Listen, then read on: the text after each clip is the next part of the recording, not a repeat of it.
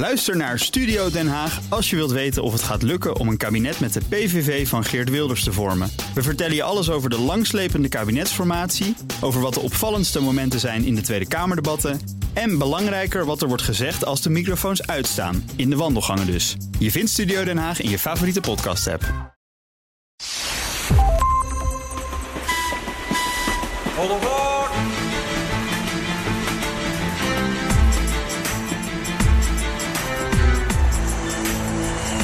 Welkom bij Reizen in coronatijd. Tot voor kort de Goede Reispodcast, maar tijden kunnen veranderen, zo hebben we gemerkt. En omdat corona helaas nog wel even onder ons zal zijn, kunnen we de oude manier van reizen voorlopig niet verder promoten en toejuichen. Wel geeft het ons nu de gelegenheid om te kijken naar hoe we op reis en op vakantie kunnen gaan. Is er een soort van reset misschien nog wel in de maak? Maar tegelijkertijd, wat blijft er nou over van de reisbranche, van het toerisme? Nu landen voor het eerst in jaren weer gigantisch op zichzelf zijn gericht. Wat gebeurt er met de natuur? Krijgt die kans om te herstellen? Of gebeuren er juist vervelende dingen? Er zijn allerlei vormen van impact. En die balans, daar gaan we naar op zoek. Elke twee weken praten we daarover in deze podcast. Reizen in coronatijd. Productie van BNR Nieuwsradio en Columbus Travel. En ik ga eerst naar mijn vaste reisgenoot, mijn sidekick... Mark McIntosh, hoofdredacteur van Columbus. Mark, goedenavond. Goedenavond, Geert-Jan. Hoe gaat het met je? Hij gaat lekker, hij gaat lekker. Ja. Ik eh, begin eigenlijk wel ontwenningsverschijnselen uh, te vertonen. Want we kunnen natuurlijk steeds meer de straat op. En er komen ook steeds meer mensen op straat. Dus ik merk van mezelf dat ik een beetje begin af te kicken. Ja, maar het vliegtuig, daar kan je nog niet instappen. Dat nog net niet, nee. Toch denken we ook in deze podcast in, uh, in oplossingen en niet alleen in de problemen. Uh, we hebben de afgelopen keren gesproken over virtuele tours, over achtertuin kamperen, nieuwe verdienmodellen, nieuwe reismodellen. En uh, we hebben voor deze aflevering twee gasten uitgenodigd, waarmee we het dus gaan hebben over die balans. We gaan het hebben over impact en we gaan kijken naar verantwoord toerisme. En we zoeken eigenlijk naar een balans tussen natuurbehoud, natuurbeheer, economie, uh, werkgelegenheid, zowel direct als indirect. Uh, we kijken natuurlijk dus naar recreatie, we kijken naar vervoerstromen. Hoe kan dat allemaal samengaan? En hoe gaat dat samen in coronatijd? Misschien ook wel in post-coronatijd. En daarvoor hebben we dus nu een, uh, een internetlijn gelegd met Jeroen Kleijs. Jeroen, welkom. Ja, dankjewel. Je bent lector aan de Breda University of Applied Sciences. Um, je lectorschap heet Social Impacts of Tourism. Ja, dat klopt. Wat betekent dat precies? Nou ja, wij kijken naar het hele spel, speelveld van de maatschappelijke impacts van toerisme. Dus eigenlijk al de zaken die je net noemde, van economie naar sociaal naar milieu. En binnen het lectoraat proberen we uh, bestemmingen, de, de kennis en de oplossingen en de instrumenten te bieden om dat op een goede manier te managen. Nou, en wij hopen die kennis op die manier opgedaan ook weer te gebruiken voor, uh, voor verder onderzoek en ook uiteraard richting onze studenten. En zijn jullie druk deze weken? Ja, heel erg druk. Je merkt dat heel veel uh, partijen, zowel uh, overheden als ook gewoon de ondernemers uit de branche bij ons aankloppen en vragen stellen over hoe, hoe moet dat nu op de hele korte termijn. Maar vooral ook hoe moet dat uh, straks als we corona, na corona of ieder geval in een maatschappij waarin we dingen mogen, het weer willen gaan opstarten. Maar we willen dat wel graag op een ja, toch wat meer duurzame manier doen als daarvoor. Uh, en dat speelt nu heel erg. En dat zijn op zich hele. Ja, de aanleiding is niet zo mooi, maar het zijn wel hele mooie discussies. Ja. Lastige lijkt mij alleen. Je moet advies geven over iets waar, waar we eigenlijk heel weinig vanaf weten. We weten nog niet eens wat we over twee weken bij wijze van spreken mogen. Nee. Nou, wat dat betreft is het ook niet zo dat wij nu de, de oplossing op de plank hebben liggen. En het is ook niet zo dat wij nu eventjes aan de, aan de branche gaan vertellen van zo moet het. Wat dat betreft is het ook een kwestie van heel erg interactie en kijken wat er werkt. En zoeken naar de mooie voorbeelden. Dat dan vervolgens weer terugkoppelen naar de partijen die ermee bezig zijn. Dus in dat opzicht is het uh, nou, uh, kennis genereren, maar vooral ook samen kennis genereren. En samen met tot nieuwe ideeën komen. We hebben ook contact met uh, Wim Kok van Matoke Tours. Hallo Wim. Goedendag, goedenavond. Ja, we nemen deze podcast uh, in de avond op. Terwijl hier de zon uh, ondergaat, praten wij met elkaar over, over reizen in, in coronatijd en na coronatijd. Ik ga heel even uh, jou laten introduceren door Mark. Want het idee van deze podcast is dat we vaak gasten uitnodigen. en Mark, jij kwam als eerste met Wim en toen kwam ik met Jeroen. Wat heeft Wim te vertellen? Nou, Wim is uh, mededirecteur van Matoke Tours. Dat is een van de reisorganisaties waarmee, waarmee wij als Columbus-redactie al langere tijd mee samenwerken. En ja, even eerlijk, dus de passie voor Afrika, want uh, Tours is een Afrika-specialist, die spat er echt af bij, Wim. Extra leuk vind ik het dat hij die liefde deelt met zijn kinderen, die van kleins af aan het continent met hem uh, ontdekken. Dus het idee was om hem sowieso uit te nodigen om een beetje van die reisinspiratie met ons te delen. Um, maar hij heeft mezelf ook benaderd een paar weken geleden uh, met de vraag of hij een pleidooi kan houden. Want um, hij vindt dat in alle mediaberichtgeving over corona uh, we heel erg makkelijk voorbij gaan aan de verborgen impact van de crisis uh, op de verre bestemmingen die we nu achterwege laten. En daar kan hij, denk ik, uh, een, een, goed verhaal over vertellen... waar we een, een, een fikse discussie over zouden moeten voeren de komende maanden. Ja, Wim, wat is die, die, die verborgen impact die genegeerd wordt door de mainstream media? Nu lijkt het wel heel erg trouwens. ja, nou, eh, ik denk dat het belangrijk is om een uh, eerlijk beeld te schetsen over, over wat er aan de hand is. En uh, ik denk dat het hartstikke goed is dat we in deze tijden eens eventjes goed nadenken over wat we nou eigenlijk aan het doen zijn met elkaar. En uh, hoe we omgaan met deze planeet. En dat reizen op een duurzamere manier moet plaatsvinden. En nou ja, daarbij gaat het vaak over het vliegen. Hè, want, want het vliegen heeft natuurlijk een ontzettende negatieve impact op, de CO2, uh, op het klimaat vanwege de CO2-uitstoot. Um, en dat willen we natuurlijk zeker niet bagatelliseren. Dan moeten we, daar, daar, daar, daar moeten we ook met z'n met, met allen mee aan de slag. Um, aan de andere kant kun je zeggen dat, dat, uh, dat we nu zien, nu toerisme wegvalt in bepaalde landen, vooral in ontwikkelingslanden. Um, dat er um, uh, problemen ontstaan. He, je ziet uh, dat er enorme stroperij plaatsvindt op een moment. Uh, um, he, voor bushmeat of simpelweg om, om hout te kappen om, om te kunnen koken. mensen hebben geen geld. er is geen overheid die, die voor ze instaat, zoals hier. Um, dus ze moeten wat. En, en dat gaat op dit moment enorm ten koste van natuurgebieden. maar ook op de langere termijn voorzie ik toch wel grote problemen. Um, als de banen, er zijn ontzettend veel banen in toerisme. Hè. Um, in, in, in, in, uh, in Afrika gaat het om 30 miljard, dus 30 miljard omzet en 4 miljoen banen. Um, Helder. En als, als die omzet en als die banen wegvallen, dan moeten mensen wat anders doen. En in Afrika zijn er helaas uh, nog niet zoveel banen. En uh, zullen mensen zich snel moeten terug, uh, terugvallen op, op, op de natuur en op landbouw, op, op veeteelt. En daarmee neemt de druk op natuurgebieden toe. He, je kunt je, een mooi voorbeeld is misschien wel dat je hier ziet dat, dat de wolf doet zijn intrede. En we zien dat er nu al heel veel problemen ontstaan. Ondanks dat als er een schaap gedood wordt door een wolf, dat het gecompenseerd wordt. Nou, je kunt je voorstellen als je maar vijf koeien hebt en uh, er wordt er een gepakt door een leeuw. Of uh, als je krops worden opgegeten door uh, je mais of wat dan ook door apen of, of, of andere beesten. Um, dat op een gegeven moment mensen denken van nou daar willen we vanaf. Dus, dus toerisme is van enorm belang om die banen te behouden. Maar ook om mensen te kunnen compenseren op het moment dat er wat met hun krops of met hun, met hun stok uh, gebeurt. Ja, want ik ben wel heel even benieuwd. Uh, die stroperij of die ontbossing, vindt dat dan plaats in uh, natuurreservaten, in natuurparken, op, op plekken waar normaal gesproken dan uh, toeristen naartoe worden gebracht?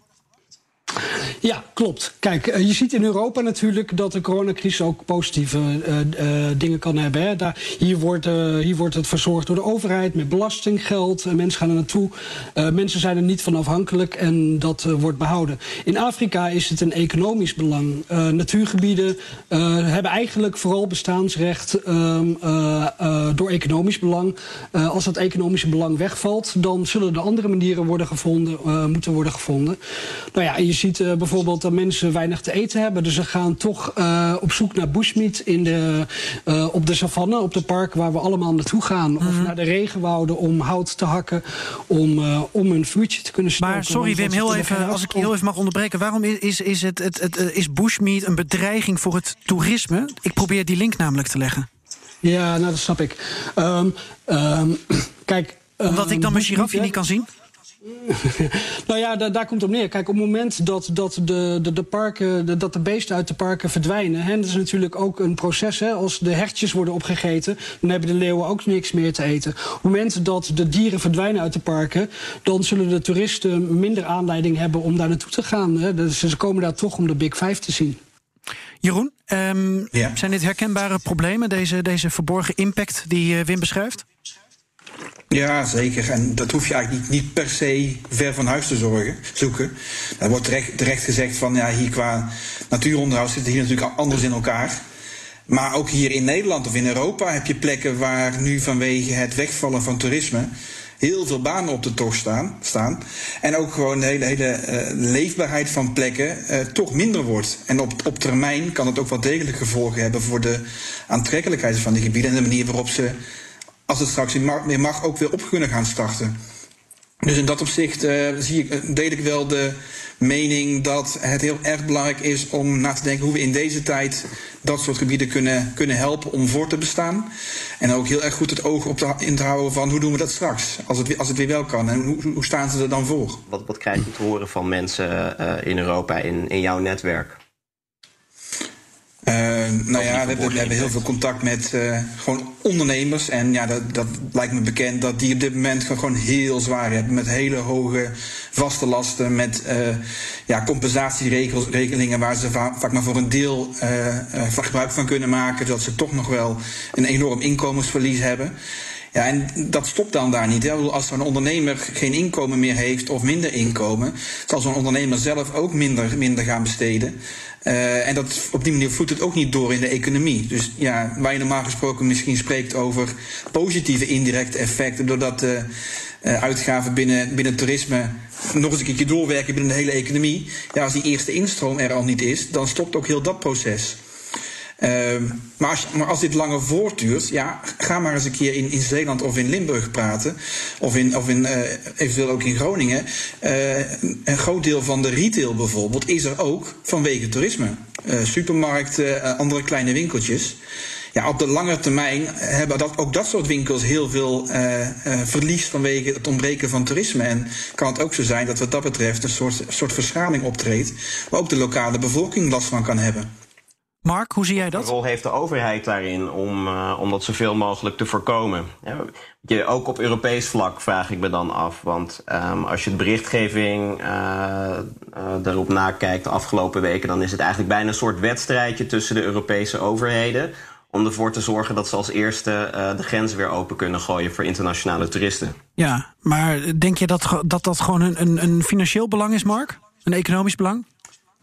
Zeker weten. Ik denk echt dat we door de, door de crisis zijn een heleboel landen weer uh, alleen maar naar ja, hun eigen belangen aan het kijken. In plaats van, uh, als we kijken even naar Europa, naar Europese belangen. Dus de Europese Commissie bijvoorbeeld, die staat nu op de zijlijn. Mm -hmm. elk land uh, beslist nu eigenlijk zelf wanneer de grenzen weer opengegooid worden en onder wat voor voorwaarden. En dat maakt het heel erg verwarrend ook voor, voor mensen die bereid zijn om buiten Nederland toch nog op vakantie te gaan deze zomer. Ja om, om te weten. Ja, die, die, maar die belangen, die lange verschillen, die zie je niet alleen uh, op overheidsniveau, die zie je ook op, op, op lokaal niveau. Bedoel, elke, elke toeristisch-recreatieve ondernemer zal er een belang bij hebben om zo snel mogelijk weer open te mogen, dingen te moeten gaan doen. En ze zullen misschien best wel snappen dat het in sommige gevallen niet slim is, of dat dat op een andere manier zou moeten. Maar ja, ze hebben natuurlijk ook dat directe economische belang. En dat zie je dus op landsniveau, maar dat zie je ook op, op het microschaalniveau. Ja. Heel even uh, uitzoomen. Uh, dan gaan we zo uh, doorpraten over die impact. maar Mark stipte al iets aan. namelijk, we weten eigenlijk nog niet waar we aan toe zijn. En het ontbreekt een beetje aan regie. Toevalligerwijs nemen we bijna elke keer de podcast op vlak na een persconferentie van premier Rutte. Mark, die volg je dan natuurlijk aandachtig en dan kijk je van hé, hey, wat zegt hij nou weer over het toerisme, over de vouchers, over het kamperen? Is jou nog iets opgevallen als het gaat om, om de reissector? Het is toch altijd weer een, een, mix van goed nieuws en slecht nieuws. Het goede nieuws is natuurlijk dat vanaf 1 juni het weer toegestaan is om met meer dan twee anderen samen te komen. Dat is natuurlijk al een enorme winst, ook voor de horeca. En uh, het slechte nieuws in Nederland dan is dat uh, reizen met openbaar vervoer nog steeds alleen bedoeld is voor noodzakelijke reizen. Dus wat ga je dan doen? Dan, dan moeten we met z'n allen weer uh, de, de, auto in. En dat beperkt je toch, hoe je het ook wendt of keert. Ja, Maar wat is de impact daarvan op toeristische bewegingen? Nou, ja, we proberen natuurlijk vanuit Columbus, uh, maar ook een heleboel andere toeristische uh, organisaties, proberen openbaar vervoer uh, zoveel mogelijk te promoten.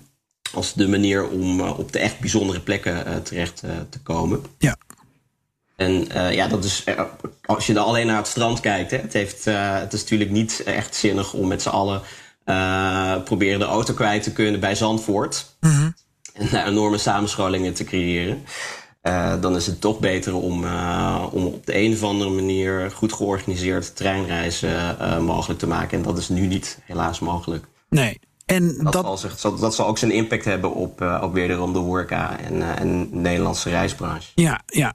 En dat is dan Nederland. En, en wat je ook eerder wilde aangeven was... het is heel verwarrend per land. alleen al binnen, binnen de Europese Unie waar we wanneer weer naartoe kunnen en ook in welke mate. Want uh, dan, dan hoor ik bijvoorbeeld van: hey, Italië gaat vanaf 3 juni weer open.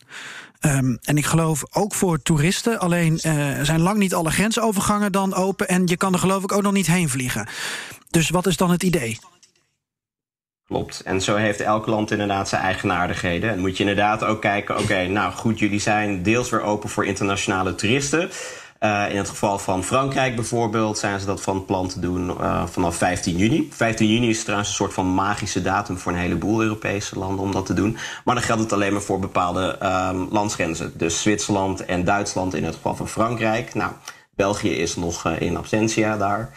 Um, en voor Italië weet ik het eerlijk gezegd nog niet. Maar 3 juni geldt daar inderdaad als, als streefdatum. Ja. Inmiddels zijn ook de meeste restaurants en bars en winkels ook open is ook deze week gebeurd. Maar er is nog heel erg veel onduidelijk. Logisch ook, maar het maakt het zeker niet makkelijker voor mensen die, uh, die iets verder willen kijken in ja. de zomer. Jeroen, ooit gedacht nee, dat en, we nog, nog een keer zoiets zouden meemaken? Dat we gewoon niet weten wanneer we op vakantie kunnen naar Italië? Nou, dat is wel een hele bijzondere situatie. Ik ben de afgelopen twee jaar volop bezig geweest met het onderzoeken van het fenomeen overtoerisme. Uh, en dat is nu wel even mooi omgedraaid. Ja. Dus dat is op zich uh, heel interessant. Maar dat hadden we inderdaad niet zo, niet zo aanzien komen. Nee, en wat, wat zie jij dan nu in die gebieden die je, die je aanstipt? Hè? Bijvoorbeeld rondom overtoerisme. We kennen natuurlijk Venetië. En we hebben het verhaal gezien van dat er nu. Dat je weer de bodem van, van de rivier daar kan zien, bijvoorbeeld, bij wijze van spreken. Maar wat voor vormen van, van overtoerisme zijn nu, zijn nu ook weggevallen dan bijvoorbeeld? En, en, en wat komt er voor terug? Ja, nou ja, het is eigenlijk zo simpel als dat er nu op dit moment op al die plekken waar het eerst druk was, uh, geen mensen rondlopen. En dat heel die, die industrie die daaromheen gebouwd was, op dit moment ook uh, droog ligt. Uh, en je proeft dus ook wel bij die bestemmingen aan de ene kant, uh, bijvoorbeeld bij de bewoners, dat die zoiets hebben van nou, dit is eigenlijk wel heel prettig. En uh, heb ik het specifiek over bewoners die niet afhankelijk zijn in economische zin van toerisme. Mm -hmm. Die zoiets hebben van nou, dit mogen we wel zo houden en kunnen we het, kunnen we het wat, wat minder maken als het toch weer op moet, opgestart moet worden. Maar anderzijds merk je ook wel vanuit andere partijen die zoiets hebben van liever vanda vandaag dan morgen dat het weer opgestart kan worden. Omdat we toch wel heel erg afhankelijk zijn daarvan. Dus dat roept wel, wel de vraag op van uh, welk belang uh, gaat straks de doorslag geven als, als, het, als het weer kan. Ja, en dan doel je ook op uh, als we allemaal wil, weer zo graag op vakantie willen en op reis willen. En landen willen heel graag hun economie en werkgelegenheid wil weer opstarten. ook in, in het toerisme, waar miljarden in omgaan. Dan zou dat weer ten koste kunnen gaan, bijvoorbeeld van de natuur of van, van de, de duurzaamheid en het verantwoorde toerisme dat we juist hadden ingezet? Ja, ja er wordt inderdaad uh, gevreesd dat je straks ook, ook wel hier een soort overcompensatie-effect zou kunnen krijgen. Dat mensen die nu niet op vakantie hebben kunnen gaan, het gevoel hebben gehad dat, er, dat een soort recht ontnomen is. En dat ze alsnog uh, die vakanties willen inhalen die ze nu gemist hebben. Uh, dat laat ik even buiten beschouwen dat uiteraard ook economische gevolgen zijn. Dat voor sommige mensen misschien helemaal niet mogelijk is om twee in plaats van één keer op vakantie te gaan. Maar die, die behoefte om weer te kunnen recreëren en kunnen weg te gaan, ja, die, die neemt langzamerhand wel weer toe. En dat zal ook wel weer tot uitdrukking komen. Uh, op het moment dat mensen weer mogen reizen. Ja. Wim, jij ziet dat dus eigenlijk al in Afrika een beetje gebeuren. Uh, alleen dan heeft dat meer met, met, met, met levensonderhoud natuurlijk ook te maken.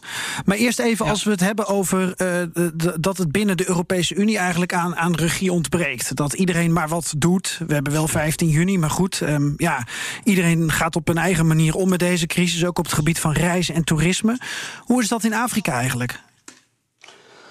Nou ja, um, uh, in Afrika trekken ze allemaal ook wel een beetje hun eigen plan. Hè? En je ziet dat een land als Oeganda bijvoorbeeld heel erg uh, streng omgaat met voorwaarden. Die heel als eerste eigenlijk de lockdown hebben aangekondigd. En daar nog steeds volop in zitten. En dan moet je bedenken dat mensen ook gewoon echt geen kant op kunnen. Die mogen niet zoals hier nog in de auto stappen of ergens naartoe. Dat is echt gewoon een volledige lockdown. Ja, die mensen hebben niet veel gespaard. Dus het is best wel heel erg pittig. Maar ja, Oeganda heeft een reputatie hoog te houden. Die zijn altijd heel erg uh, goed omgegaan met uh, ebola-epidemieën in omringende landen. Hè? Congo vooral. Uh, dus daar, ze hebben die reputatie hoog te houden. En je merkt dat zij daar heel erg op inzetten om, om maar aan te tonen... wij kunnen dit bestrijden en wij kunnen dit aan. Maar een land als Tanzania bijvoorbeeld, hè, uh, die, die, die, die, ja, die, roept in de kerken op, uh, laten we, uh, die, roept mensen op om naar de kerken te gaan om met z'n allen zoveel mogelijk te bidden om het coronavirus te bestrijden. Um, dus je merkt wel heel erg dat, dat landen daar anders mee omgaan. Nou, Tanzania die wil nu ook open gaan. Hè. Die heeft nu aangekondigd dat ze, dat ze in, in medium juni de grenzen en de vluchten weer willen toelaten. Nou, hè, dat, dat, klonk in eerste instantie natuurlijk heel erg als goed nieuws. Uh, maar het is wel eventjes de vraag van, nou oké, hoe gaan we daar met z'n allen mee om? Uh, hoe veilig is dat? En um, uh, wordt het code oranje opgeheven? Want Tanzania kan wel opengaan, maar als wij nog steeds code oranje hebben... dan mogen mensen daar niet naartoe reizen. Dus nou, je merkt wel heel erg dat daar grote, grote verschillen in zitten... Maar uiteindelijk kun je wel zeggen dat Afrika een ongelooflijk jonge bevolking heeft. In Oeganda bijvoorbeeld is de gemiddelde leeftijd 16 jaar. Uh, uh, minder dan 10% is boven de 60. Uh, dat in samenwerking met het, uh, met het prettige warme klimaat is de kans om daar ebola op te lopen, of sorry, om corona op ja. te lopen, uh, uh, natuurlijk significant kleiner uh, dan bij ons bijvoorbeeld. Ja, ik ja, ben, ik ben geen wetenschapper, dus dat, dat kan ik niet testen. Uh, uh, Mark, sorry? Nou, ik vind het opmerkelijk, want uh, ik las dat er dus minder dan 3000 officiële doden zijn te betreuren in het, dat hele enorme continent. Uh, is dat inderdaad uh, voornamelijk te danken aan de jonge leeftijd? Van uh, de bevolking, denk je weer? Nou, ik denk dat je dat wel met, een beetje met de korrel zou moeten nemen. Hè. Ik bedoel, van, ik, ik, ik, ik wil natuurlijk graag uh, uh, stimuleren dat mensen in Afrika reizen. Want, mensen hebben daar echt nodig, en de natuur ook. Maar we moeten wel ook eerlijk zijn. En we weten ook dat daar niet veel getest wordt. Dus dat je hè, het, het, het aantal, um, dat het moeilijk te peilen is wat het werkelijke aantal is. Maar ik denk wel dat je um, aan de hand van wat, wat, wat de virologen zeggen en hoe het virus zich En, en uh, voor wie het gevaarlijk is, wel kunt zeggen van nou, hè, met een jonge bevolking, met, een, uh, hè, met warme temperaturen, met veel ruimte om je heen, weinig echt grote steden buiten de hoofdsteden om, kun je wel zeggen dat, dat de kans op verspreiding daar wel minder groot is dan, dan hier. Ja, het fenomeen ruimte, dat, dat is denk ik overal uh, ontegenzeggelijke voorwaarde. Uh, we zoeken natuurlijk allemaal naar zo min mogelijk mensen om ons heen. Maar dat had ik eigenlijk ook al uh, voorheen toen ik op reis ging. Dan wilde ik onder geen beding andere toeristen tegenkomen. Ja, dat dachten al die andere toeristen ook natuurlijk, die op die plek kwamen opdagen. Dus dat blijft lastig, ben ik bang. Maar Wim, ja. waar we het net over hadden qua impact, hè, de vraag die ik aan Jeroen ook stelde. Um, ja. Kan het, kan het te hard gaan, denk je, dat als uh, landen denken van... goh, we willen mensen weer aan het werk hebben... en zeker in die toeristische sector met die enorme indirecte werkgelegenheid ook... dat het dan kost, toch weer ten koste van andere dingen gaat? En heb ik het met name over, over, over natuur, hè, of over die, dat, dat verantwoorde toerisme waar we mee bezig zijn? Nou, uh, qua natuur. Qua, qua, natuur um, heeft het continent gewoon hartstikke hard toerisme nodig. Ik kan me ook weinig positieve, of misschien wel geen positieve voorbeelden bedenken. Welke, uh, wat voor positieve invloed corona nu heeft op, uh, op de natuur in ontwikkelingslanden zoals in Afrika. Dat, dat, dat is gewoon geen positief verhaal. Dus nee, um, we, we, het is belangrijk dat die banen blijven bestaan, dat mensen in het toerisme werken, dat ze ambassadeurs worden voor, generaties na hun om, om het wildlife en de bomen te beschermen. Um, um, dus, dus het is echt wel van belang dat we, dat we daarheen gaan. Aan de andere kant denk ik wel dat we vanuit Europa bijvoorbeeld um, en, uh, uh, de, de, verantwoordelijkheid hebben om, te, om na te denken over hoe we dat op een, op een duurzame manier doen. En duurzaamheid is natuurlijk niet alleen maar vliegen, dat is veel meer. Maar vliegen is daar ook wel een onderdeel van. En kijk, wij, wij kunnen als branche natuurlijk heel veel willen. En we willen ook graag helpen de vluchten compenseren. We vragen mensen om ook nog zelf hun vluchten te compenseren. Maar het zou natuurlijk wel heel goed zijn als we deze crisis uh, aangrijpen om te zeggen van jongens, laten we nou met z'n allen een Europese vliegtax uh, in, inlassen. En laten we dat geld wat er daaruit voortvloeit ook direct besteden aan uh, behoud van natuur. want zolang er geen oplossing is voor CO2-uitstoot met vliegen op verre bestemmingen, zal dat toch de, de, de manier moeten zijn, denk ik. Ja, Jeroen, impact is. ja, ga je gang. Maar uh, waar ik dan wel benieuwd naar ben, is hoe kijken de mensen in Afrika aan tegen die Europese toerist, die nu dan misschien wat minder is, straks misschien weer welkomt? Zien ze, zijn ze daar puur mee bezig om die weer te verwelkomen? Of zien ze dat ook als een soort potentiële drager van het coronavirus? Daar hebben ze ook een bepaalde angst van. Ja, dat is een hele goede vraag. En uh, um, um, ik heb natuurlijk elf jaar in Afrika gewoond, ben pas net terug in Nederland. Dus nog heel veel contact met, uh, met de mensen daar. Uh, in Oeganda, om spe specifiek te zijn. En daar wordt corona echt wel gezien als een white man disease. En, en zij hebben altijd te maken gehad met hele heftige ziekten zoals aids en, en malaria en, en, en ebola zelfs. Um, um, maar zij schrikken ervan dat de hele wereld op slot gaat uh, om corona. Dus het beeld ontstaat dat corona echt nog wel heel veel erger is dan, dan, dan die ziektes die ik net benoemde. En uh, die wordt overgebracht door de door Westerlingen. Dus um, he, daar is nog wel een stukje werk te, te doen om mensen, uh, mensen gerust te stellen. Dat, dat, dat werk moet deels door lokale overheden gedaan worden. Hè. maar ook wij, denk ik, moeten daar een stukje educatie in geven. Ja. Het is nu natuurlijk ja, we zijn nu natuurlijk heel erg met onszelf bezig. Um, um, en, en dat snap ik ook. Dat is iedereen in tijden van crisis in het begin. Je schrikt. Maar we moeten wel met z'n allen nu gaan nadenken van jongens, hoe, hoe gaan we dit regelen? Ja. Ja. Ik zag nog uh, Jeroen. Uh, met, uh... Mag, mag ik heel even een vraag aan Jeroen stellen, Mark? Vind je dat oké? Okay? Zeker. Um, want, en misschien kan ik dat aan jullie allemaal even voorleggen. Het is een klein zijstapje hoor, maar um, we hebben het over een soort reset ook een beetje. de, de zoektocht naar, naar balans. En ik kwam nog een voorbeeld uit Nieuw-Zeeland tegen. Het is even een zijpaadje hoor, maar de premier daar, die ehm, volgens mij best wel voorloopster is als het gaat op het aanpakken van, van deze crisis, uh, Jacinda Ardern. Die, uh, nou, die heeft ten eerste als een van de eerste uh, premiers ter wereld gezegd: van nou, we gaan een soort reisbubbel organiseren met, met Australië. De, help me even, Mark, hoe heet dat? De Tasman, Tasman Bubble? Ja, ik geloof het wel. Ja, ja Tasman Travel Bubble. Als een travel bubble of luchtbrug. Er ja.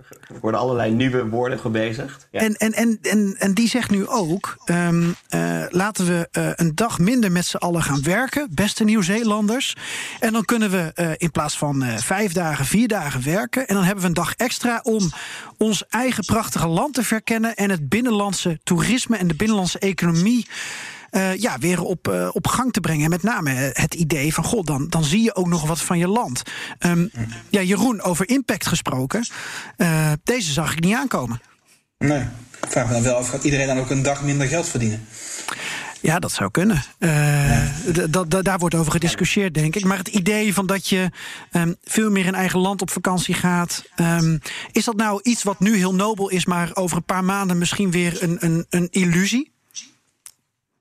Nee, nee, die, die, die trend, uh, als ik het zo mag noemen, die zag je ook al wel uh, een tijdje geleden opkomen. Dat het ook vanuit, vanuit de reisorganisatie en ook vanuit mensen zelf ook wel uh, en meer waardering komt voor de toeristische bestemming dichtbij. En dat is misschien een beetje een tegenstelling tot het verhaal van dat we naar, naar Afrika zouden moeten gaan.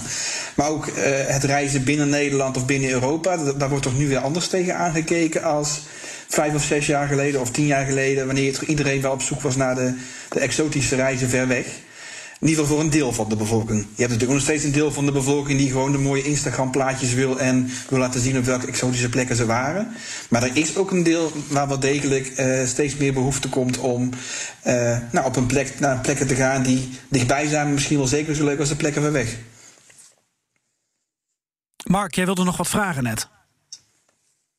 Um, ja, ik vroeg me af, uh, Wim, of jij ook um, eigenlijk op wekelijks niveau uh, contact hebt met andere uh, reisorganisaties. Eh, om het te hebben over nou ja, een beetje creatieve ideeën eigenlijk. om samen de branche er weer bovenop te helpen. En ook te kijken hoe we inderdaad de lokale bevolking in Afrika in dit geval kunnen ondersteunen met initiatieven. Ja, um, nou, het is niet zo dat ik een uh, vast wekelijkse belafspraak heb uh, met verschillende mensen.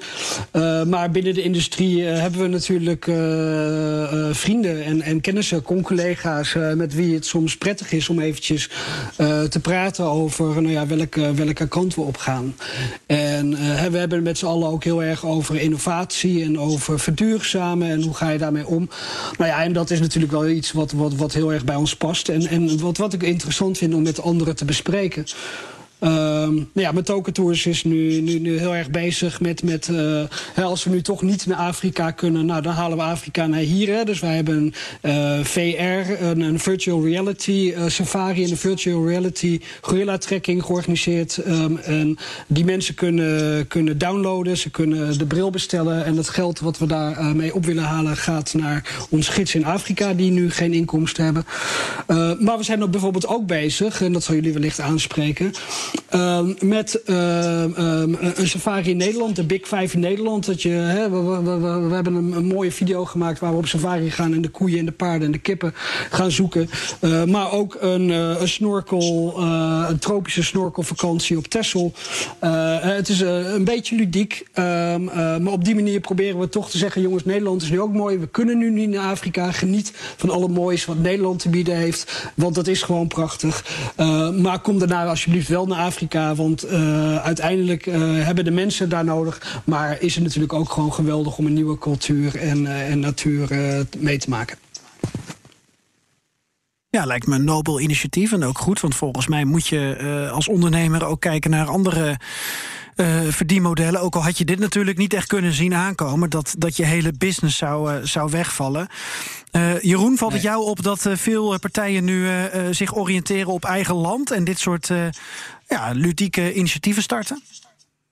Ja, dat zie je dat, ja, wat ik al net, net, al aangaf, het was daarvoor ook al wel zo. Dat je dat meer op zag komen. Partijen die probeerden mensen binnen eigen land of, of binnen Europa op nieuwe plekken te wijzen. Maar dat zie je natuurlijk nu inderdaad wel, wel meer. Dat, dat uh, bijvoorbeeld in, in Limburg uh, ideeën worden opgestart om mensen, nog meer mensen naar de bossen te krijgen.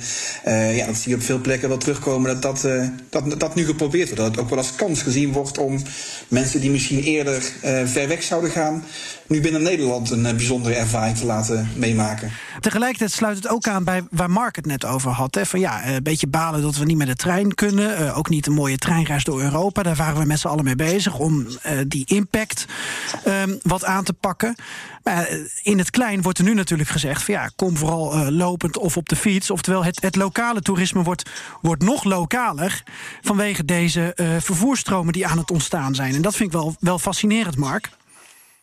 Zeker, ja. Ik, uh, je zou bijna kunnen zeggen dat het hyperlokaal toerisme is. Dat, uh, dat nu eigenlijk met een opmars hm. bezig is. Ja, alleen we spenderen niks. Dus Jeroen, is het dan wel officieel toerisme?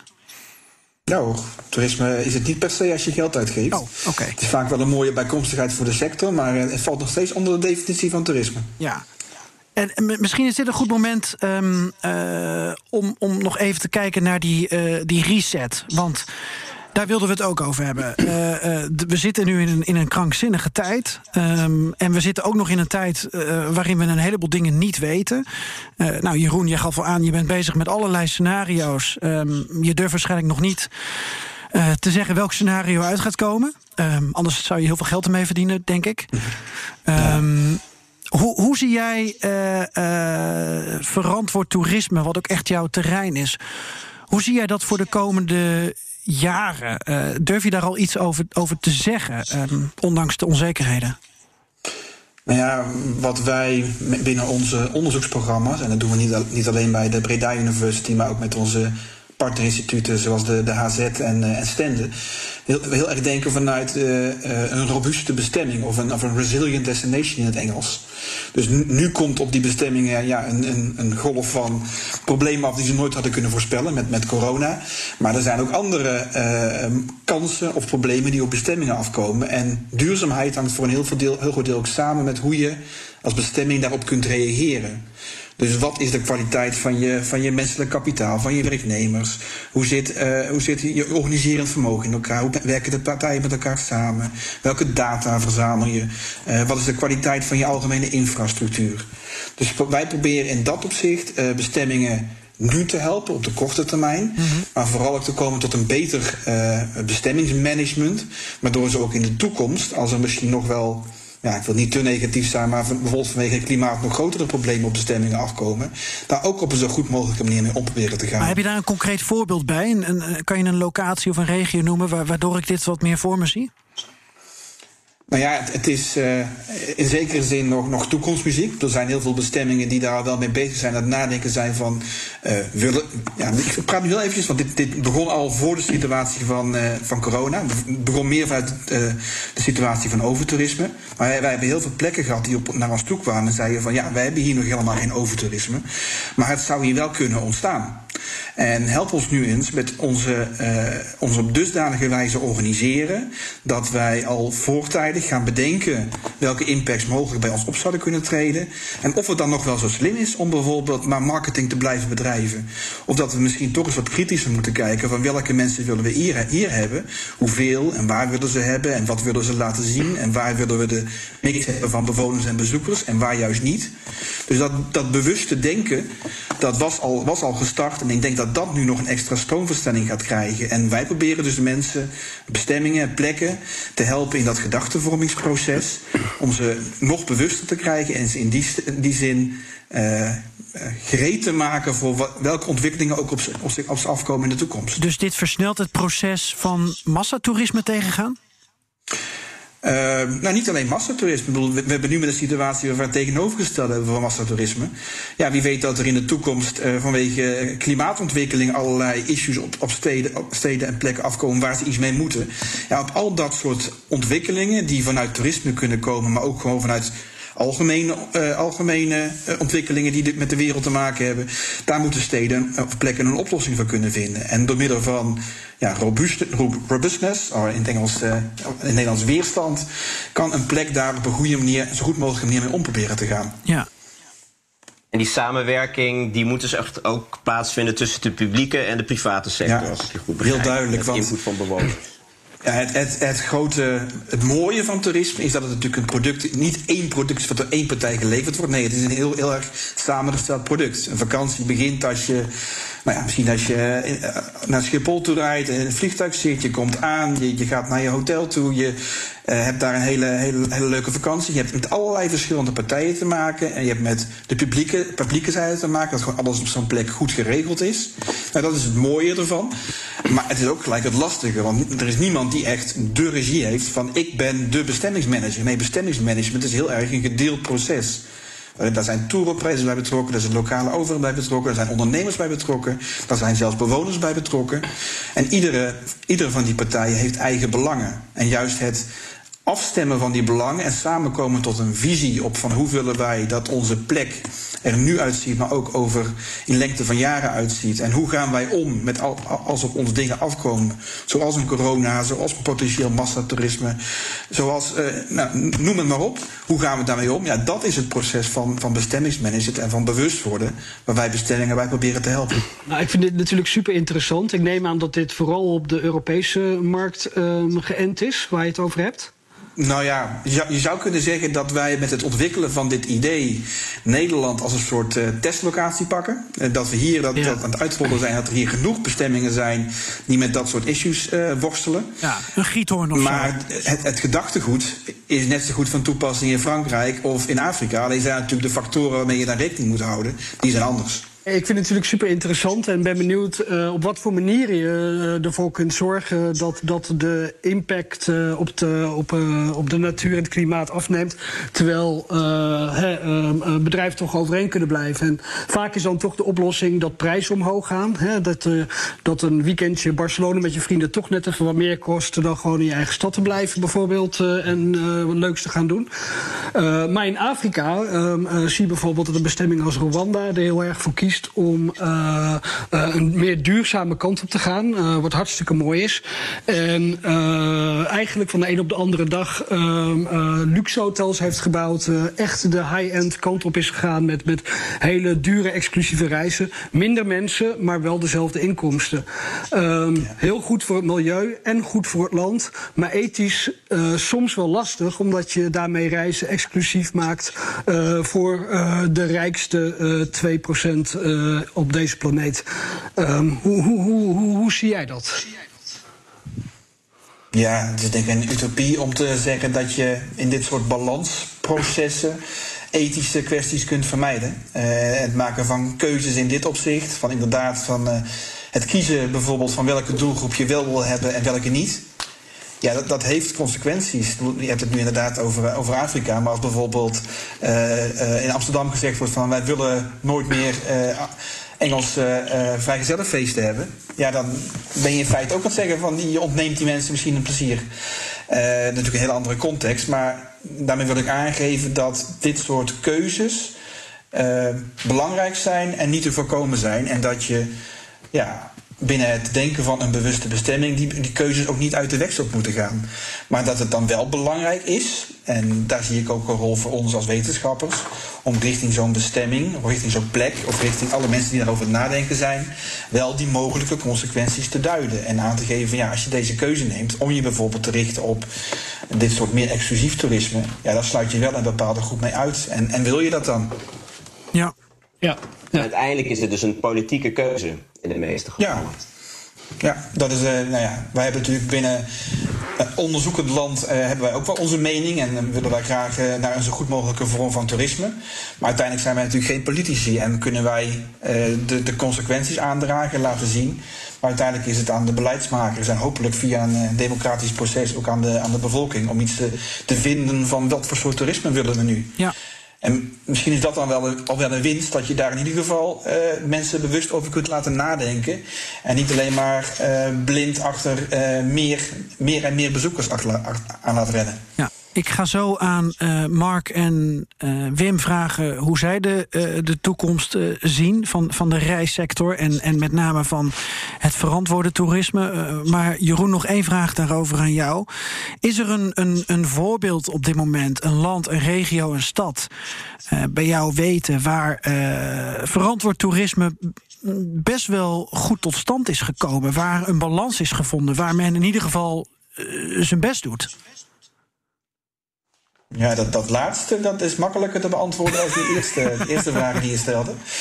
Uh, er zijn heel veel plekken waar, waar hun best gedaan wordt. Uh, een, een, stad als, als Amsterdam en Barcelona zijn misschien niet zozeer goede voorbeelden, maar het zijn wel plekken waar nu heel bewust nagedacht wordt van wat, wat moeten we met dat toerisme. En nu, natuurlijk, nu praat ik weer over de situatie van, uh, van acht maanden geleden, of, of vijf maanden geleden. Uh, maar daar zag je echt wel dat, dat bijvoorbeeld in Amsterdam nu echt nagedacht wordt van wat moeten we met Airbnb? Willen we dat? Willen we met het retail aanbod? Is dat nog wel, uh, moeten we dat zo op, op toeristen afgestemd laten zijn? Of moeten we dat toch eens een keer wat, wat gaan aanpassen? Dus je ziet wel heel veel plekken, juist de plekken waar misschien nu sprake is van het massatoerisme, waar nu toch op een ander schaalniveau en met een andere intensiteit nagedacht werd. En in de huidige situatie, in een hele andere context, wordt er nog steeds, nog steeds over hoe je toerisme op een goede manier kunt managen. En ja. dat is dan misschien, ondanks de, de, negatieve dingen van overtoerisme en het virus, dan wel weer de winst dat er veel bewuster over nagedacht wordt. Ja. Wim, in Kampala geen rolkoffertjes terreur, denk ik. Maar, nee, zeker niet. Um, en en, en hè, waar het in Amsterdam misschien ook gaat over woongenot. Uh, dat zou je kunnen vervangen door uh, natuurgenot misschien in, uh, in Afrikaanse landen. Um, hoe zie jij de, de, de, de, de toekomst van, van het verantwoorde toerisme? Wat voor toekomst is er weggelegd? Ja, is, het is heel moeilijk om dat te bepalen. Ik denk dat voorlopig Afrika ontzettend afhankelijk blijft van toerisme. Dat is uh, vaak de, de voornaamste inkomstenbron van het land. Uh, of agriculture, maar één van die twee. Um, en uh, ik denk dat Afrika daar heel erg lang afhankelijk van blijft. Dus het is heel erg moeilijk om daar een ander model voor te vinden. Een model die je kunt kiezen is wat bijvoorbeeld Botswana en Rwanda doen in Afrika, of Bhutan in Azië.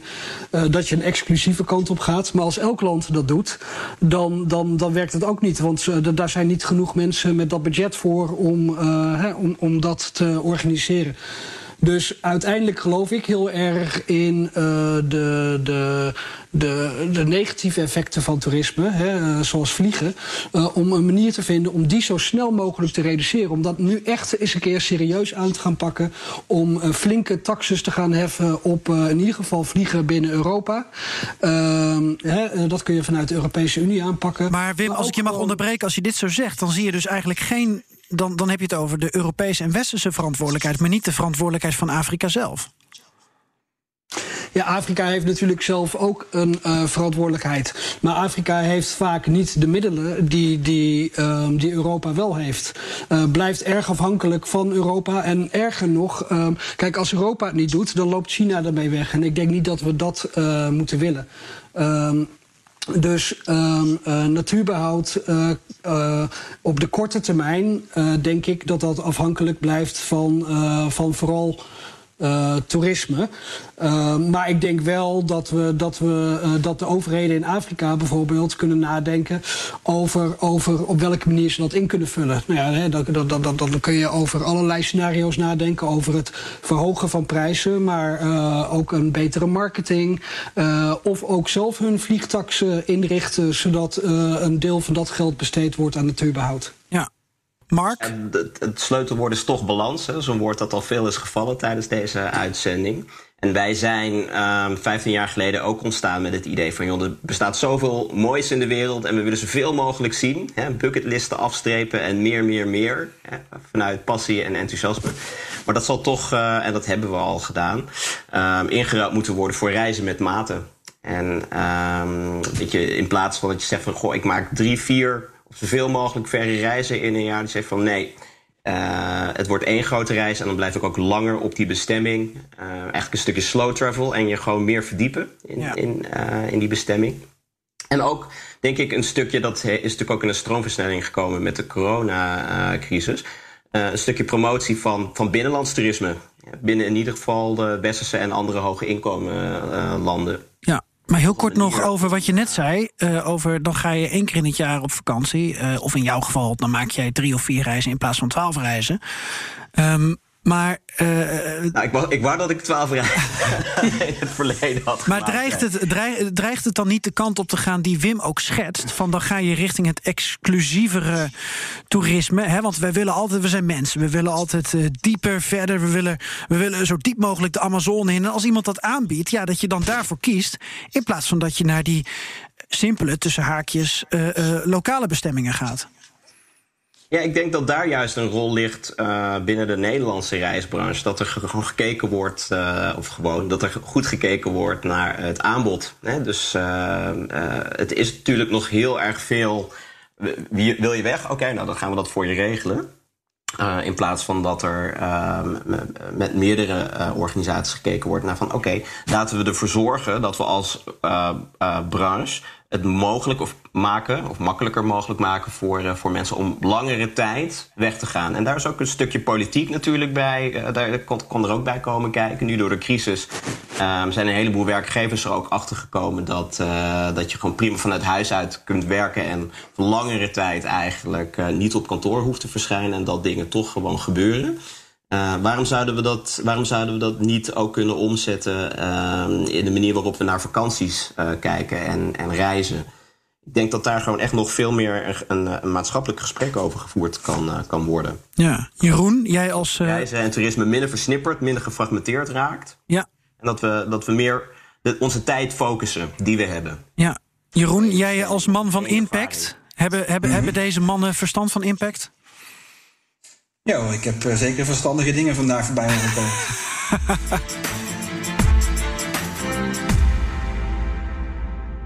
Ja, maar natuurlijk, uh, elk nadeel heeft zijn voordeel. En dan heb ik het over voordelen waar reizigers ondanks de coronacrisis ook van zouden kunnen profiteren. Ik heb zelf schonere lucht voor mijn gevoel ingeademd. Ik heb s'nachts uh, voor mijn gevoel sterren kunnen kijken. Ik hoor verhalen van koraalherstel. En ik was eigenlijk benieuwd. Hebben jullie uh, zelf een idee bij uh, welk nadeel nu uh, toch, ja, welk, welk voordeel er uit dit coronanadeel te halen valt? Um, Jeroen, heb jij daar een voorbeeld van? Ja, eigenlijk kom ik dan terug op wat ik eerder ook gezegd heb. En dat is niet zozeer een korte termijn voordeel, maar meer juist langere termijn. Dat je nu wel een verandering ziet, ook bij ondernemers en ook bij, bij lokale overheden, dat ze ervaren dat ze soms wel erg afhankelijk zijn van toerisme. En ook dat ondernemers uh, soms wel erg veel, weinig marge hebben om te kunnen voortbestaan als er zoiets dergelijks gebeurt. En dat er in die zin wel meer bereidheid is om met elkaar samen te komen tot een soort lange termijn perspectief. Uh, waar voor, voorheen toch ook wel heel erg veel vanuit de korte termijn en de, en de winst en, uh, en dat soort zaken geredeneerd wordt. Dus juist het, het bewustwordingsproces aan de, aan de aanbodzijde, dat is denk ik wel een positief punt. En toch ook wel, wat we ook al eerder bij de hand hebben gehad, aan uh, de vraagzijde, dat veel mensen zich er ook wel meer zijn gaan waarderen wat er in, in de eigen omgeving te doen is en dichterbij te doen is. Dus dat het in dat opzicht, die trend die er al was van meer lokaal toerisme, nou, hier ook nog wel een keer een extra boost van zou kunnen krijgen. Ook als je straks weer wel de optie hebt om verder weg te gaan. Dat je misschien nog eens nadenkt van, nou, het was toch ook wel leuk om die plekken dichtbij wat beter te bekijken. Ja, mooi. Wim, ik denk dat je hierbij aansluit. Heb je zelf ook nog een, een voordeel uit het nadeel weten te halen? Nou, ik, ik, ik, zie meer een voordeel komen. En dat is eigenlijk, uh, eigenlijk iets wat, uh, wat Mark net zei. Uh, maar we merken inderdaad dat, dat, dat er meer mensen bereid zijn om die ene reis die ze nu gaan maken, dat die echt heel bijzonder moet zijn. En dat ze dus langer in het land verblijven. Ja, en als liefhebber, want dat ben ik uiteindelijk ook, als liefhebber is het natuurlijk hartstikke leuk om een land echt uit te diepen en de cultuur te leren kennen, de mensen te leren kennen, in plaats van een combinatiereis te maken van twee of drie landen waarin je alleen de belangrijkste hoogtepunten uh, aandoet. Nou ja, en dat sluit ook hartstikke mooi aan wat wij als maatwerkspecialist doen, dus, dus uh, als Tours. Dus wij, uh, daarin zie ik kansen en ik denk ook dat dat gewoon hartstikke goed is voor het milieu om het op die manier te laten gebeuren. Ja, wat betekent matoke eigenlijk? ja, nou, het is, uh, matoke is de, de uh, groene banaan die in Oeganda gegeten wordt. Is een, een, zoals wij hier de aardappel eten. Het is een, een niet-rijpe banaan die gekookt wordt en gegeten wordt met een stukje groente. En als het kunnen veroorloven, een stukje vlees.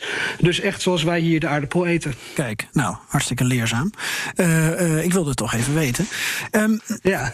Tot slot, want Mark, wij hebben van jou al een keer een, een, een voordeel gehad. Of heb je nog een nieuw voordeel ontdekt? nee, nee, ik, uh, ik was even. Ja, je hebt het elke keer... Ik begin nu toch een beetje ontwenningsverschijnselen te vertonen. Hè, dat het allemaal weer drukker wordt op ja. straat en dat ik de rust eigenlijk begin te missen. Ja. Uh, hoe snel dat eigenlijk went, is, uh, is toch opmerkelijk te doen. Nou, begin ik, Mark, met jou voor de laatste vraag. heb je nog een nieuwe bestemming op het oog? Dat als we volgende week toch weer op reis zouden kunnen... en dat hele coronavirus zou nu al de wereld uit zijn... heb je nog iets nieuws waar je heen zou willen gaan? droomland.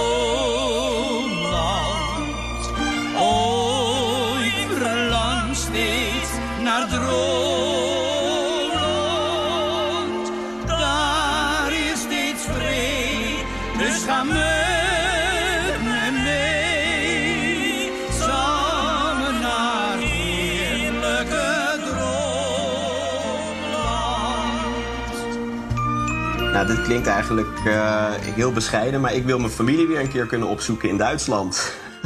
ik wil oh. ja, op, op buitenlands familiebezoek kunnen gaan. Dat is geen essentieel, uh, essentiële reisreden? Nee, nee. Oh. Zover ik uh, weet niet. Nee. Oké. Okay.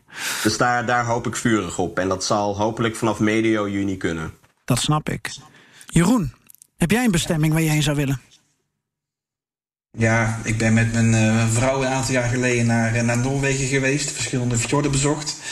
Ik zou dat wel heel graag binnenkort een keer met mijn kinderen willen doen. Dus uh, ik hoop dat dat uh, binnen niet al te lange tijd weer mogelijk is. En denk je dat je het ook extra gaat waarderen met deze hele ja, crisis in ogenschouw? Ja, zeker. Ik denk dat dat wel een, bij, niet alleen bij mij, maar bij veel mensen een rol zal spelen.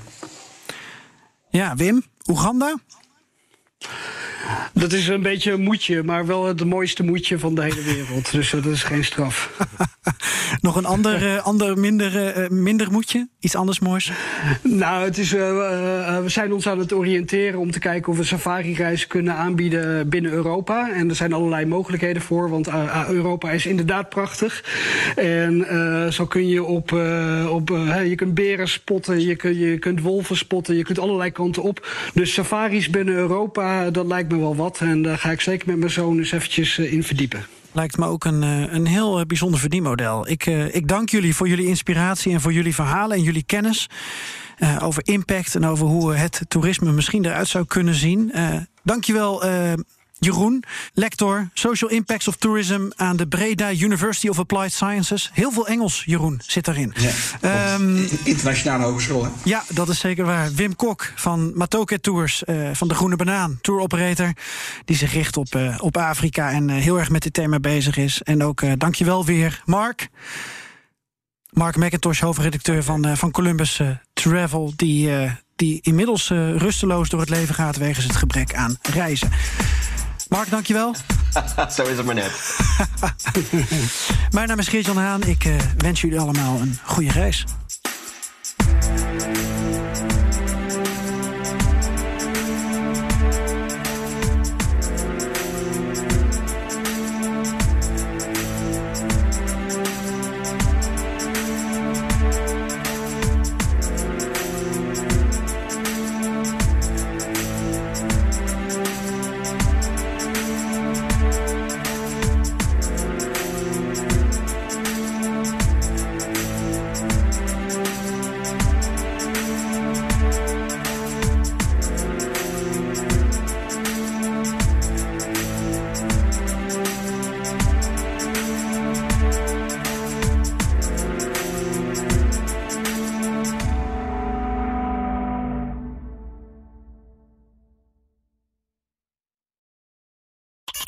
Bas van Werven vind je in de BNR-app. Ja, je kunt live naar mij en Iwan luisteren tijdens de ochtendspits. Je krijgt een melding van Breaking News. En niet alleen onze podcast Ochtendnieuws, maar alle BNR-podcasts vind je in de app. Download nu de gratis BNR-app en blijf scherp.